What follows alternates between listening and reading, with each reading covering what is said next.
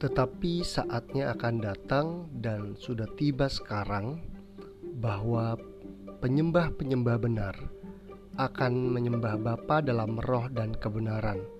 Sebab Bapa menghendaki penyembah-penyembah demikian. Allah itu roh dan barang siapa menyembah dia harus menyembahnya dalam roh dan kebenaran. Barusan itu bunyi Yohanes pasal yang keempat ayat yang ke-23 sampai ke-24. Ketika Tuhan Yesus berbicara tentang ayat ini, tentang penyembah-penyembah yang benar, yang menyembah dalam roh dan kebenaran, Tuhan Yesus memulainya dengan percakapan bersama dengan wanita Samaria.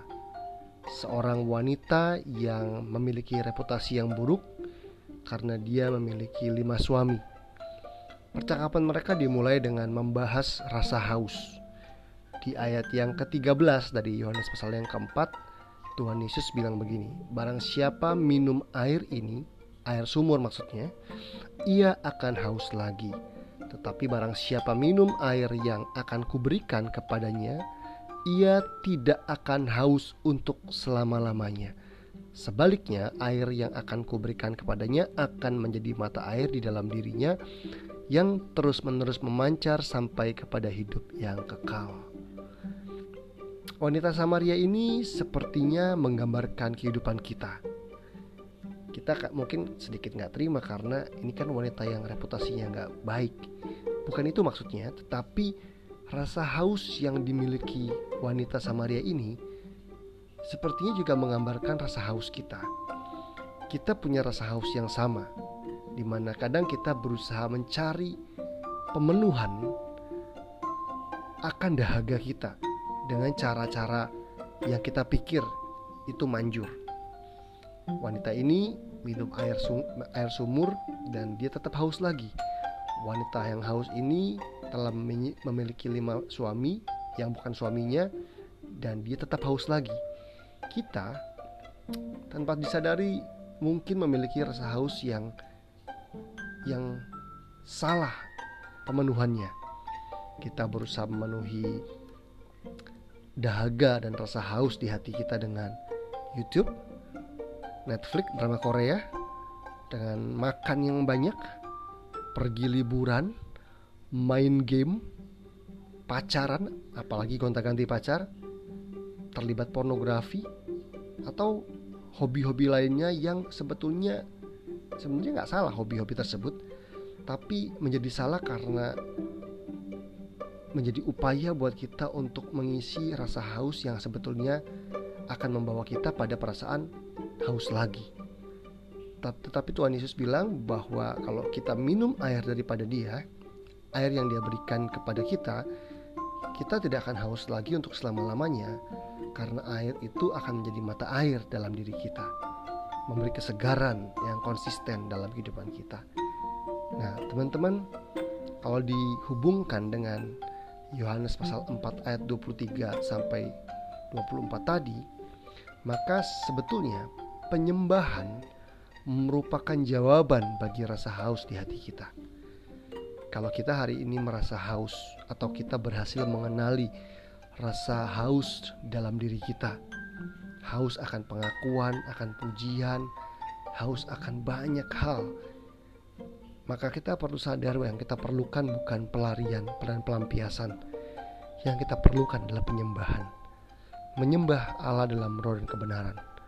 Apakah artinya kita perlu bernyanyi, mendengar lagu-lagu rohani terbaru? Bukan itu, karena Yesus nggak mengajarkan wanita ini bernyanyi di perikop ini. Tetapi menyembah dalam roh dan kebenaran berbicara soal hidup di dalam roh dan hidup di dalam kebenaran. Hidup di dalam roh kudus hidup dalam pimpinan rohnya dan hidup dalam kebenaran itulah penyembahan yang sejati. Itulah yang akan menjadi jawaban bagi rasa haus di dalam diri kita. Kata penyembahan berasal dari kata sembah penyembahan sembah persembahan mempersembahkan. Kata-kata tersebut memiliki kesamaan, memiliki hubungan satu sama lain. Tidak ada keintiman tanpa memberi, tidak ada keintiman tanpa mempersembahkan sesuatu. So, kalau kita hari ini mengenali rasa haus dalam diri kita, jangan diam, jangan membiarkannya. Karena jika dibiarkan, rasa haus yang ada dalam diri kita, rasa haus yang tidak terpenuhi, bisa menggiring kita pada hal-hal yang salah, pada hal-hal yang berdosa, pada keterikatan-keterikatan, dan bahkan pada kejatuhan. Izinkan Tuhan mengisi rasa haus kita dengan airnya yang berubah menjadi mata air dalam diri kita. Air itu bicara tentang Tuhan sendiri, pribadi Tuhan sendiri. Roh Allah adalah roh Tuhan sendiri. Kebenaran adalah pribadi Tuhan sendiri. Yuk, yang membuat kita kehilangan, yang membuat kita dapat menghilangkan dahaga, itu bukan nyanyian tentang Tuhan, tetapi ketika kita datang kepada pribadi Tuhan itu sendiri. Kehadirannya hadiratnya itu adalah jawaban bagi rasa haus dalam diri kita. Saya berdoa supaya teman-teman semua bisa menemukan jawaban bagi rasa haus yang ada dalam diri kita sebelum rasa haus itu terlalu jauh membawa kita pada hal-hal yang menyimpang, hal-hal yang menyesatkan, hal-hal yang membawa kita hidup menjadi berkat, apalagi membawa kita pada kejatuhan. Dan hari ini kamu lagi dengerin podcast belajar yang dicicil dan saya berharap apa yang kita cicil hari ini untuk kita pelajari bisa mengobati rasa haus kita.